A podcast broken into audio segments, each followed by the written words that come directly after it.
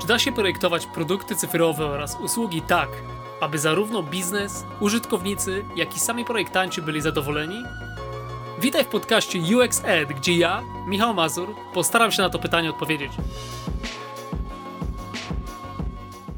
Hej, od ostatniego odcinka minęło trochę czasu, ale postaram się od lipca wrócić do Was z comiesięczną publikacją odcinków.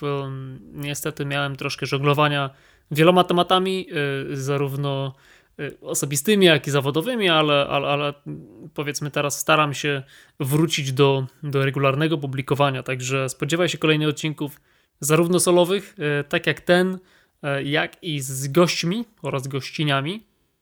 Ale nie obawiaj się, jakby podcast nadal żyje, nadal będzie nagrywany, idzie nadal w ramię w ramię z, z moim newsletterem, także jak najbardziej spodziewaj się nowych treści.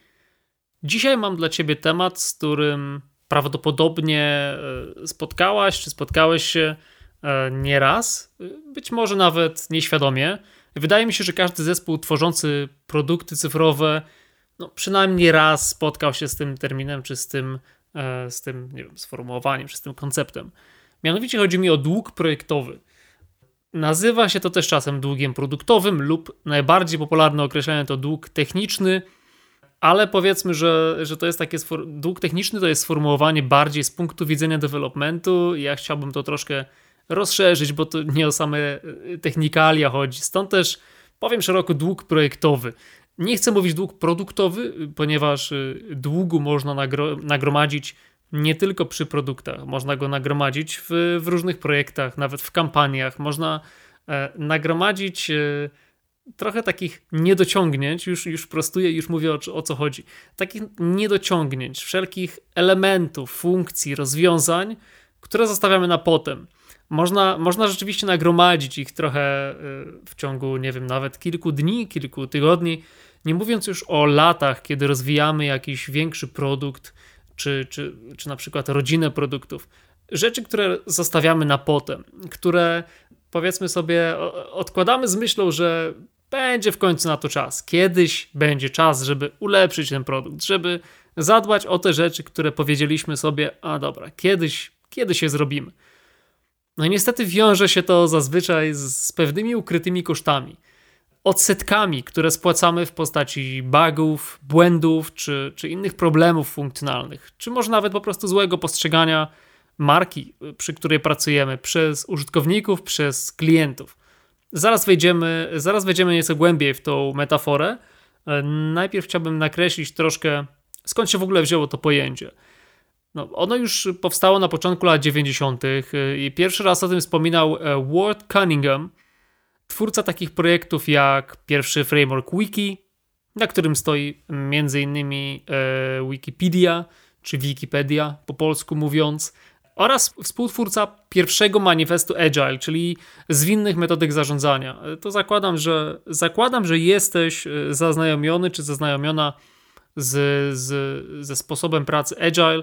Jeśli nie wiesz o co chodzi, to, to, to radzę doczytać. W skrócie chodzi o zwinne metodyki zarządzania, o, o metody zarządzania projektami, w których na bieżąco iterujemy, e, na bieżąco uczymy się na podstawie tego, co dowiedzieliśmy, po to, żeby w kolejnym sprincie, w kolejnym okresie poprawić niektóre rzeczy, które nie działają. E, także e, działamy w, w Agile, działamy w sposób, gdzie nie nakreślamy, nie szkicujemy całego, całego projektu z góry, nie piszemy wielkich specyfikacji, tylko raczej podchodzimy do tego w mniejszych odstępach. No i ten pan Walt Cunningham właśnie sformułował to pojęcie dług techniczny i użył, użył tej metafory długu, wydaje mi się, bardzo słusznie, bo po pierwsze, zostawiając jakąś ważną funkcję na potem, zaciągamy dług. Nie wiem do końca od kogo ten dług zaciągamy. Nie wiem, może to być dług od samych siebie z przyszłości albo od interesariuszy projektu, czyli od klientów od użytkowników, e, od, e, nie wiem, akcjonariuszy nawet e, aplikacji czy firmy, w której pracujemy. Możemy powiedzieć, że to taki kredyt zaufania, tak? Bierzemy kredyt zaufania z myślą, że kiedyś ten kredyt spłacimy, że kiedyś naprawimy te wszystkie funkcje, te wszystkie drobnostki, które zostawiliśmy na potem. Po drugie, jakby przy każdym długu pojawia się koncept odsetek. I tutaj no też pan Cunningham słusznie zauważył, że te odsetki są spłacane i być może nie w taki bardzo widoczny sposób. No, problemy, które zdecydowaliśmy się odłożyć na potem, niestety same nie znikną. Aplikacje, które, nie wiem, stworzymy, zawieszają się, wpędzają użytkowników w ślepe uliczki, może są jakieś layouty y, zepsute, czy ułożenie elementów rozjeżdża się na niektórych przeglądarkach lub rozdzielczościach. Mamy niespójny projekt wizualny, mamy e, niespójną e, kolorystykę w obrębie aplikacji, mamy tysiąc odcieni szarości. No, to są y, trywialne, można powiedzieć drobne problemy, które niestety kumulują się w czasie. I tak jak odsetki, jeśli ich nie spłacamy, no to one się niestety kumulują. I w końcu przychodzi ten dzień, kiedy trzeba spojrzeć prawdzie w oczy, spojrzeć w rachunki, spłacić ten kredyt, spłacić kartę kredytową, ale niestety spłacenie tego na raz no, jest bardzo dużym obciążeniem dla każdego zespołu. I dlatego właśnie też ta metafora długu bardzo, bardzo fajnie działa. Sam Cunningham wspominał, że zespoły tworzące aplikacje często uczą się na swoich błędach, tak? bo są w stanie zaobserwować problemy z softwarem. Wypuszczamy wersję 1 aplikacji, jesteśmy w stanie zaobserwować, co działa, co nie działa już na, na środowisku produkcyjnym, z prawdziwymi klientami, z prawdziwymi danymi, ale to, czego uczą się te zespoły, e, to często dopiero jest używane przy kolejnych projektach, przy kolejnych wersjach aplikacji, gdzie dowozimy nowe funkcjonalności, bo w obecnym, w obecnej wersji, w obecnym sprincie nie ma już czasu na poprawki. Bardzo często ja się przynajmniej spotykałem z takim z taką pogonią za, za kolejnymi, kolejnymi funkcjami, a nie poprawianiem tego, tych, tych prostych rzeczy, które obecnie nie działają i obecnie sprawiają problemy w aplikacji.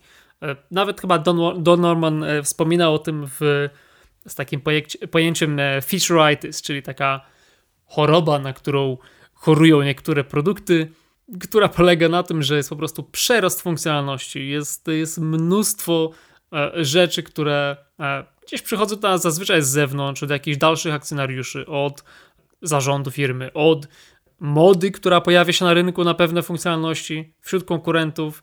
Więc często firmy podążają gdzieś za tymi trendami na rynku, budując kolejne funkcjonalności, ale niestety zapominają spłacać tego, tego długu. I wydaje mi się, że tutaj właśnie jest ten, ten pies pogrzebany w całym tym temacie długu projektowego, bo w świecie agile, właśnie tych zwinnych metod zarządzania, tyle się mówi o prędkości zespołu, czyli tak zwanej velocity, jako, jako mierniku wydajności. No, tak się składa, że źle naoliwione maszyny, powiedziałbym, mają w zwyczaju, nie wiem, gubić części, przegrzewać się przy dużych prędkościach. Więc jeśli nie zadbamy o to, żeby te szczegóły w końcu zostały zapracowane, żeby te wszystkie drobne śrubki pozostały podokręcane, no to niestety nieważne jak szybko porusza się nasz zespół, w końcu pojawią się problemy. W końcu trafimy na przeszkodę, która może kosztować nas albo stabilność aplikacji, albo reputację na rynku. E, wiele różnych rzeczy nieprzyjemnych może się zdarzyć zarówno dla naszego zespołu, jak i dla całej, całego produktu czy całej organizacji. Ale żeby tak ci dać jakieś konkretniejsze przykłady, jakiego rodzaju przeoczenia, o czym właściwie my tu mówimy? No, na przykład.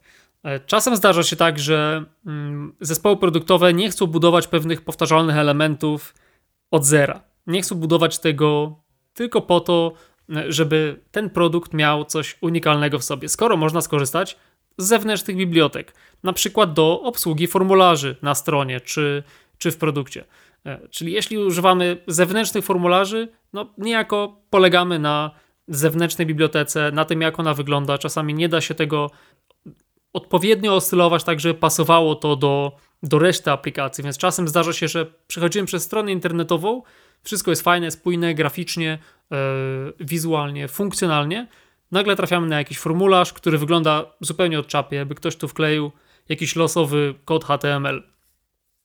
Po drugie, może to być nieprzetestowanie jakiegoś kluczowego elementu, na przykład menu głównego w sklepie internetowym. E, słuchajcie, no taksonomia w sklepach internetowych, szczególnie tych dużych, e, to jak użytkownicy mogą znaleźć e, produkty, to jest dosyć kluczowa sprawa. A wydaje się, że takie menu główne to tylko jakiś jeden element, jakaś rzecz, z którą ktoś ma interakcję, ale i tak pewnie sobie poradzi w sklepie internetowym. No nie do końca. Jest to przeoczenie, którego jeśli nie przetestujemy, no to niestety mogą się pojawić problemy z, z całym tym biznesem sklepu internetowego. Kolejnym przykładem może być, nie wiem, używanie nieefektywnego, denerwującego pop-upu z zapisem do newslettera, tylko dlatego, że dział marketingu jest na przykład zbyt zajęty, żeby zaakceptować nowy projekt. I to jest case z życia wzięty. Ja miałem takie, takie przeboje przy jednym sklepie internetowym, przy którym pracowałem. E, zaprojektowałem nowy pop-up, zapis do newslettera, gdzie oczywiście y, pop-up to jest za dużo powiedziane. Ja nie lubię, jak jakieś rzeczy atakują ludzi y, prosto w twarz.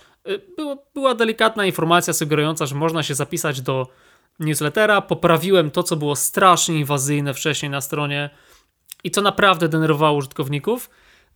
A i do tego miało dosyć denerwującą logikę, bo to była pierwsza rzecz, którą użytkownik widział po wejściu na stronę. Więc ja zidentyfikowałem to na podstawie testów z użytkownikami jako, jako krytyczny problem ze stroną internetową, bo ludzie rzeczywiście wychodzili ze strony, zobaczywszy ten pop-up. Więc zaprojektowałem całą logikę od nowa, cały projekt wizualny, wszystko.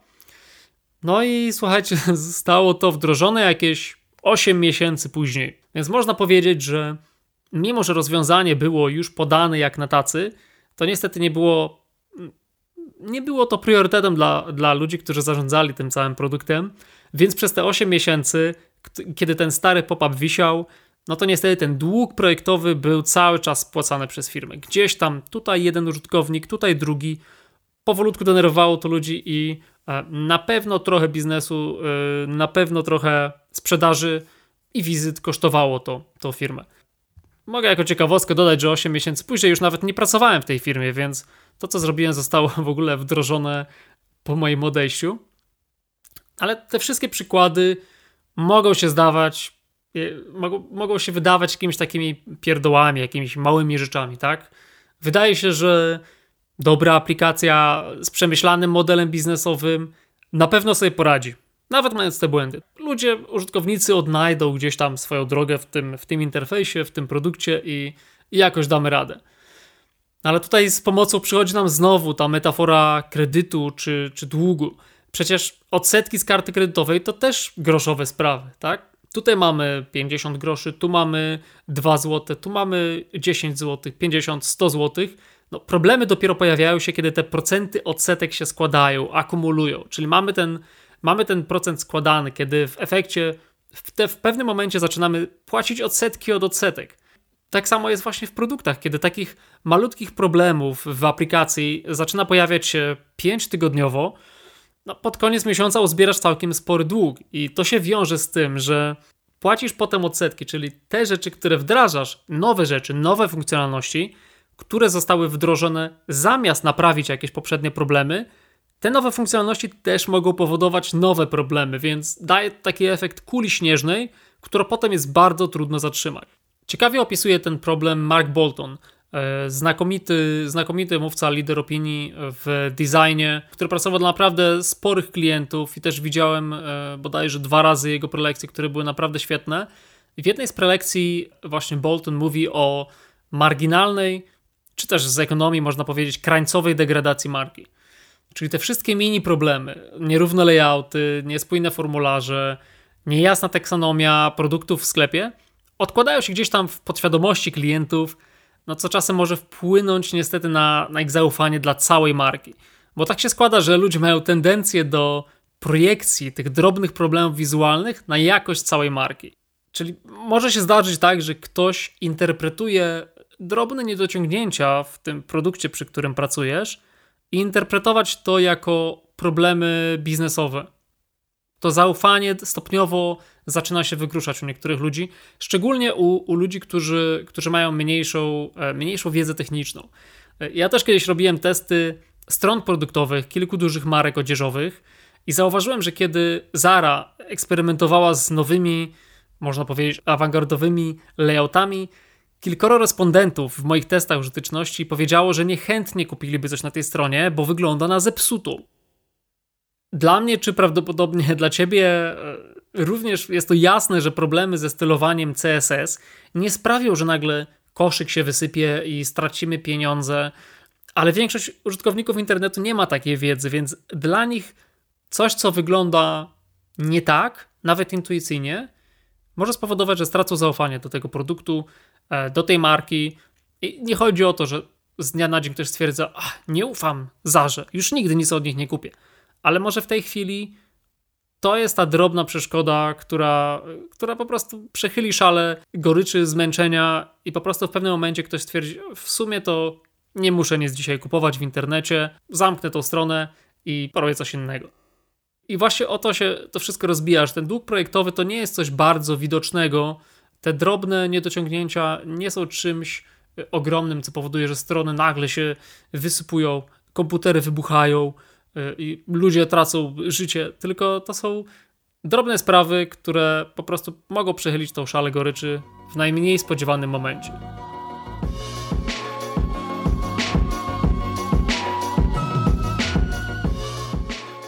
No to teraz zastanówmy się, co ja mogę zrobić jako członek zespołu. Być może zadajesz sobie takie pytanie, jak poradzić sobie z tymi, z tymi drobnymi rzeczami, z tym długim, długiem projektowym. Jak komunikować się z zespołem, jak, jak komunikować się z klientami. No wydaje mi się, że najprostszym pierwszym krokiem do rozwiązania jakiegokolwiek problemu, szczególnie przy pracy zespołowej, jest zwrócenie uwagi na ten problem. Zaakceptowanie, że taki problem jest. W momencie, kiedy cały zespół pędzi do przodu, ty możesz być tą osobą, która na jednym ze stand-upów, czy na jednym ze spotkań jakichś cotygodniowych, weekly, może zwrócić uwagę na, na ten dług, który powoli wam narasta w produkcie, czy, czy w projekcie. Niezależnie, czy jest to klient, czy jest to zespół wewnętrzny, skramowy, w którym, w którym na co dzień pracujesz, rozpoczynanie takich rozmów na pewno zwróci uwagę na rzeczy, które po prostu gdzieś tam umknęły niezauważone bokiem, można powiedzieć. Dla mnie wielokrotnie nieocenioną pomocą były testy z użytkownikami. E, kiedy pracowałem w e-commerce, w tym samym produkcie, o którym wcześniej wspominałem, na przykład przygotowywałem kompilację nagrań z testów, gdzie użytkownicy męczyli się z modułem CAPTCHA. E, dla, dla tych z Was, którzy nie wiedzą, co to jest CAPTCHA, to jest ten taki mechanizm, który możecie kojarzyć na stronach internetowych, który rzekomo, rzekomo weryfikuje, czy jesteś robotem, czy nie. Trzeba wpisać e, albo taki kod napisany dziwnymi szlaczkami, e, poprawnie wpisać tam litery i cyfry, e, albo na przykład rozpoznać, czy wśród obrazków znajdują się zdjęcia oświetlenia drogowego czy rowerów.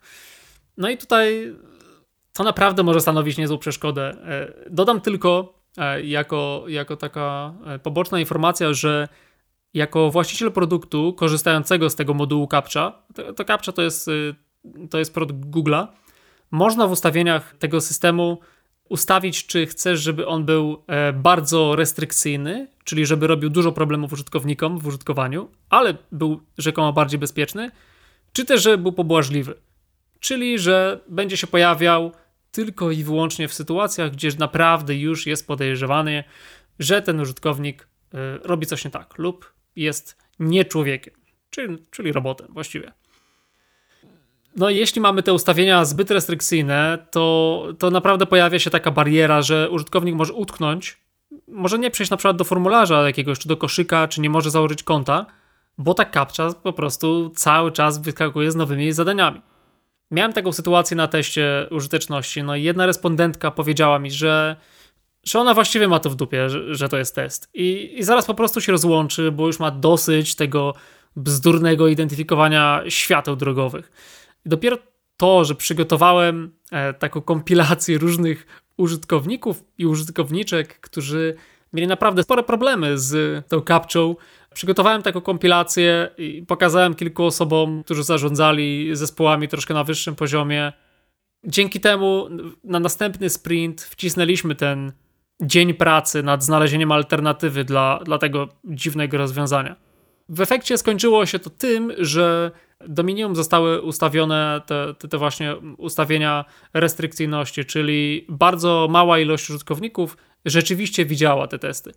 Już pomijam fakt używania kapczy do, do trenowania swoich algorytmów bez zgody użytkownika na wzięcie udziału w badaniu ze strony Google'a, ale to już e, prawdopodobnie temat na, na oddzielny podcast, temat e, etyki wykorzystywania takich narzędzi. Także po pierwsze, rozmowa, obrazy, wideo, wyniki z testów użyteczności. To wszystko są rzeczy, które mogą rzeczywiście pokazać ludziom decyzyjnym w Twoim zespole, że te problemy są, że to nie jest tak, że zapomnieliśmy o czymś, e, wrzuciliśmy jakąś funkcję, jakąś poprawkę gdzieś na sam dół backlogu i nigdy, i nigdy do tego nie wrócimy, tylko że warto rzeczywiście raz na jakiś czas zrobić coś, żeby te nagromadzone odsetki spłacić.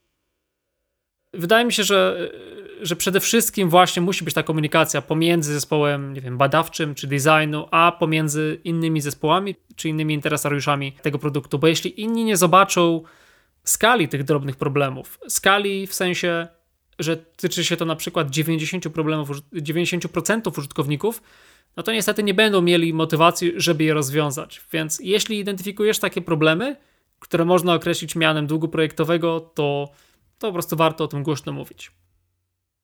Po drugie, jeśli pracujesz w zespole skramowym przy produkcie, spróbuj zaproponować zespołowi przeznaczenie na przykład jednego na pięć sprintów na spłatę długu. Naprawienie problemów, które stworzyliście wcześniej.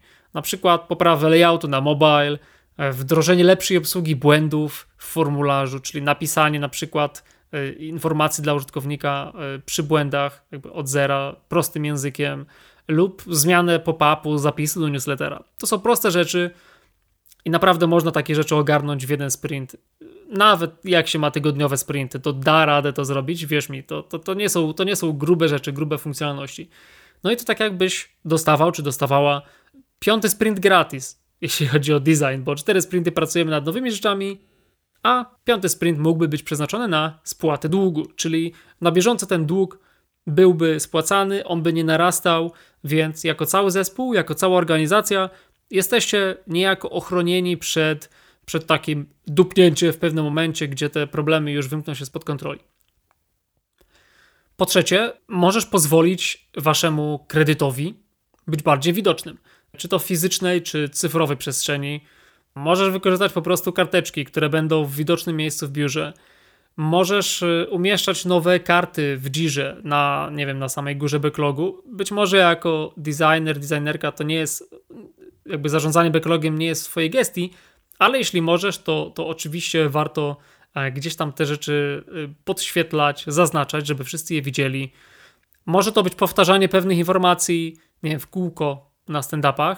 No, to prawda, możesz jakby honorowo otrzymać wtedy łatkę e, party pooper, od tych, których, y, których nie wiem, jara ciągłe wdrażanie nowych, szalonych feature'ów, no ale bez wytrwałości z twojej strony może być, może być tutaj ciężko, może być ciężko się przebić, więc czasami jest niestety to przekleństwo, ta klątwa pracy w designie polega na tym, że czasami trzeba niestety truć dupę innym zespołom, innym ludziom po to, żeby zadbać o, o jakość produktu. Oczywiście nie jest to prawidłowością, być może masz zespół, który świetnie rozumie te koncepty, rozumie też koncept długoprojektowego i na bieżąco nad tym pracujecie, to, to naprawdę wtedy e, zazdroszczę i gratuluję. Ale wiem, że w wielu firmach niestety tak to nie działa. Jeśli nie chcesz być wiesz, zespołowym, nie wiem, komornikiem, jak już mówimy o, o, o długach, to wystarczy, że nawet raz na miesiąc będziesz podsumowywać swojemu zespołowi lub, lub klientowi dokument, w którym spisujesz decyzje, po których wasz dług projektowy rośnie. Czyli spisujesz, że Tutaj użyliśmy zewnętrznej biblioteki do obsługi formularzy. Tutaj nie napisaliśmy na nowo oznaczeń błędów dla użytkowników. Tutaj na przykład użyliśmy starego stylowania przycisków zamiast nowego stylowania i jest to problem z niespójnością. Takie drobne decyzje możesz na bieżąco zapisywać i nawet jest to prostsze, bo jeśli spróbujesz sobie to spisywać raz na koniec miesiąca, to wiesz mi, nie zapamiętasz tych, tych drobnych rzeczy, bo to, są, to jest naprawdę drobnica, więc to warto spisywać na bieżąco e, i jakieś małe tikety prawdopodobnie wypisywać w Jirze, jeśli masz taką możliwość.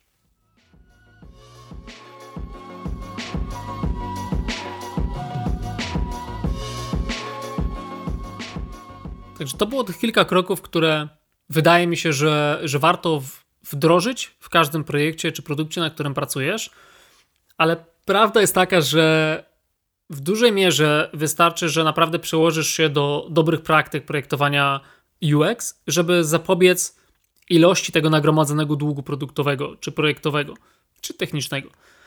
Więc na przykład y, zaczynanie projektów, nawet tych najmniejszych projektów, od prostych badań, a nie założeń nawet jeśli jest to przeprowadzenie wywiadów z pięcioma, sześcioma osobami, to, to już jest coś, już jest ucieczka od nadmiaru założeń w kierunku prawdziwych danych.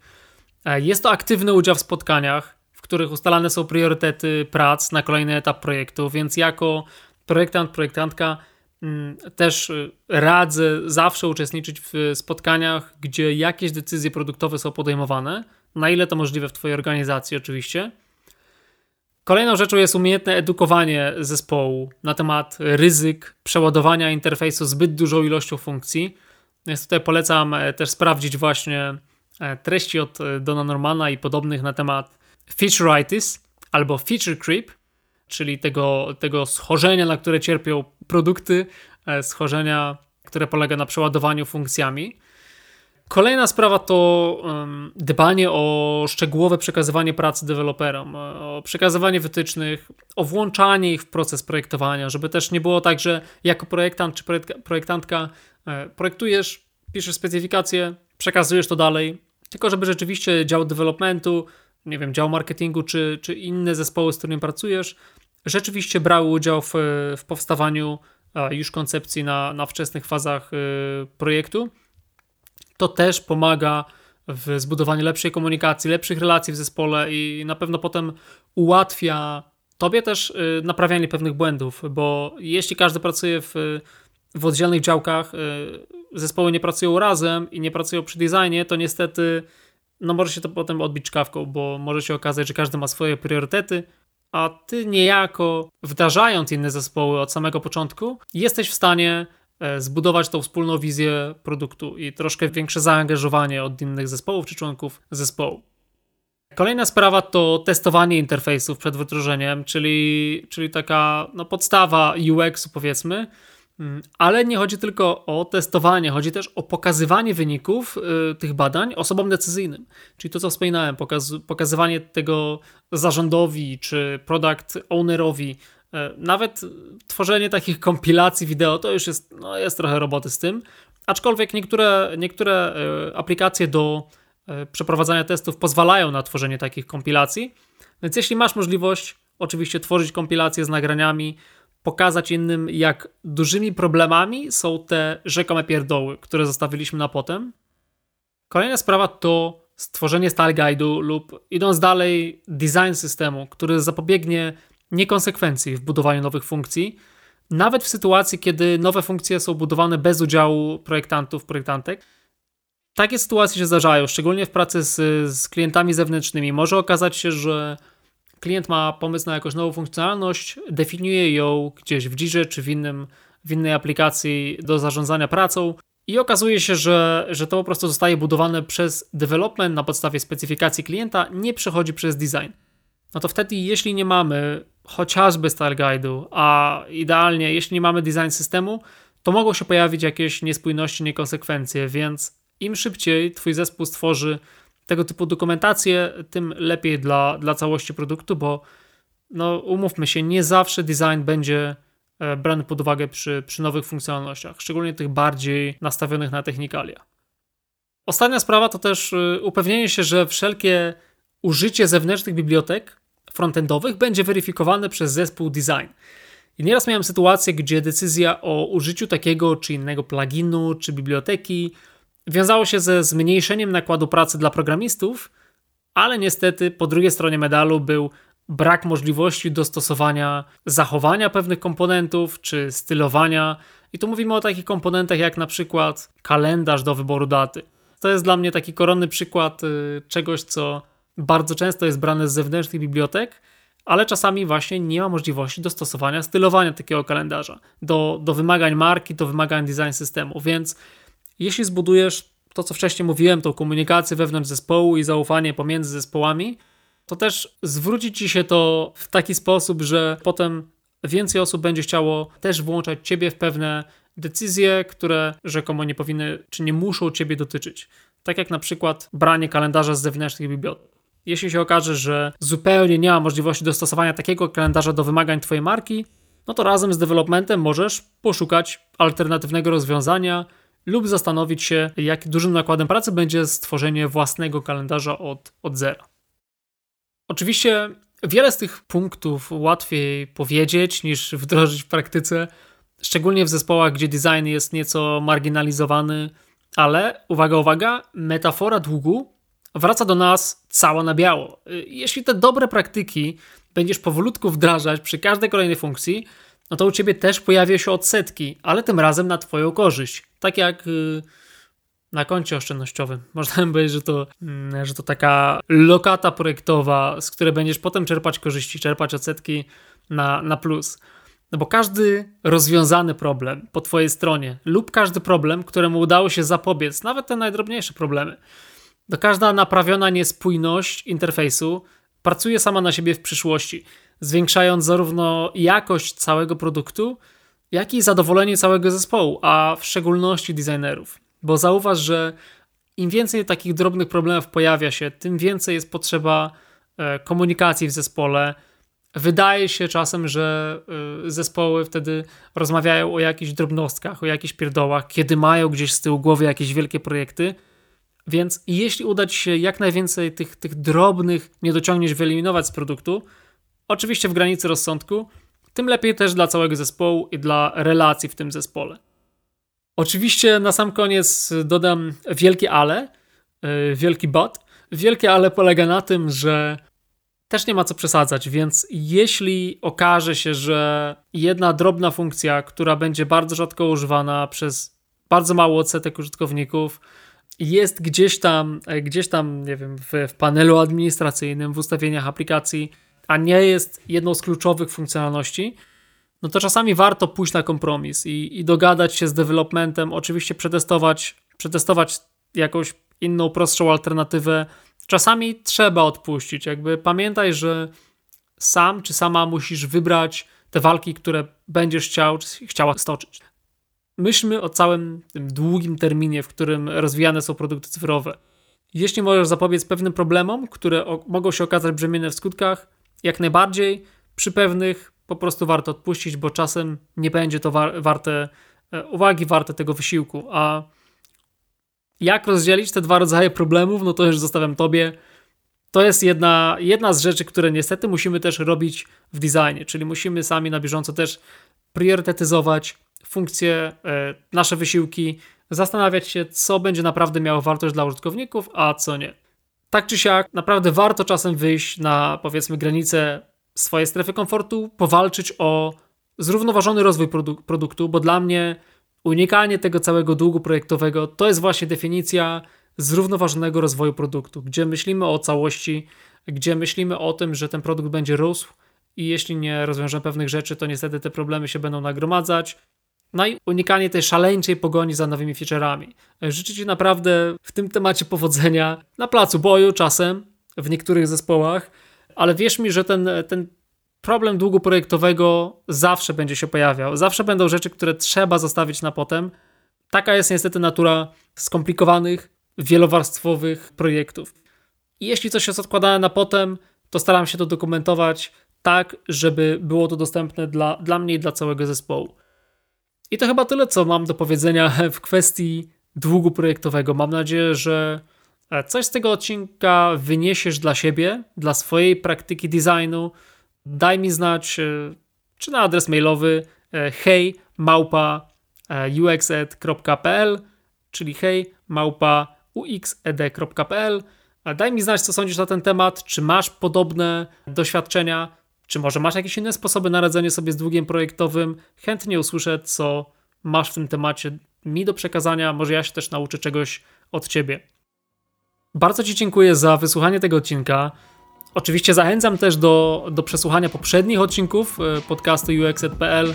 Zachęcam też do przesłuchania kolejnych, czyli na przykład możesz wcisnąć subskrybuj lub subscribe w Twojej ulubionej aplikacji do słuchania podcastów, czy to, czy to Spotify, czy to Apple Podcast, czy cokolwiek e, innego. Zazwyczaj jest możliwość subskrybowania.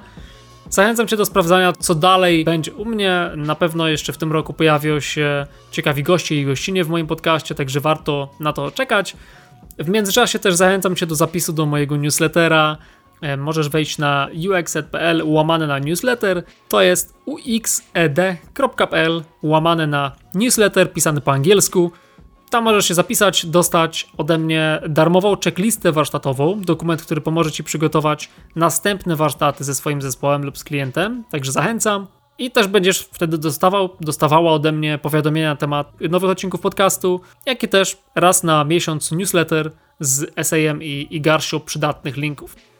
Jeszcze na koniec wspomnę jeszcze raz o moim kursie na Skillshare, który naprawdę warto sprawdzić. E, traktuje on o. Na koniec zachęcam też Cię do sprawdzenia mojego kursu na Skillshare dotyczącego e, metody Design Studio. Jest to warsztatowa metoda e, generowania dużej ilości pomysłów, taki ustrukturyzowany brainstorm. Możesz znaleźć link do tego kursu na uxed.pl łamane na skill, tak jak umiejętność po angielsku. uxed.pl łamane na skill. A jeśli jeszcze nie masz konta na Skillshare, to przez ten link dostaniesz dostęp do darmowego okresu próbnego, więc właściwie będziesz mógł, mogła zobaczyć ten kurs właściwie za darmo. Dzięki wielkie i do usłyszenia następnym razem.